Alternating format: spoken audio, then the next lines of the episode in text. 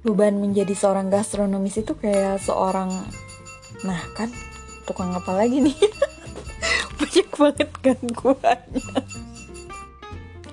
Nah oke okay, lanjut ya beban menjadi seorang gastronomis itu sama kayak seorang yang memilih menjadi ekofeminis. Tahu ya ekofeminis orang yang memperjuangkan hak-hak perempuan dan keberatan dengan patriarki. Iya, patriarki itu mengutamakan peran dan kekuasaan laki-laki dibanding perempuan, di mana suara perempuan dan haknya kadang nggak penting.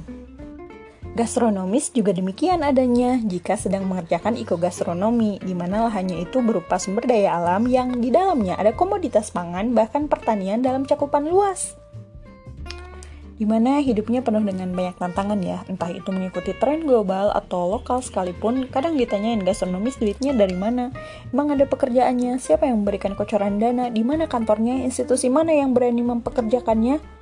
Tahun 2021 nih udah mau selesai. Daripada menambah beban pertanyaan yang jawabannya lagi dikerjain, mending hunting yang menyegarkan biar bebannya nggak menggunung. Itu pertanyaan bisa dijawab kapan-kapan kan kalau lagi mood. Balik lagi ke hunting jajanan di hari Jumat. Biasanya di Tasikmalaya ada macam-macam rujak nih.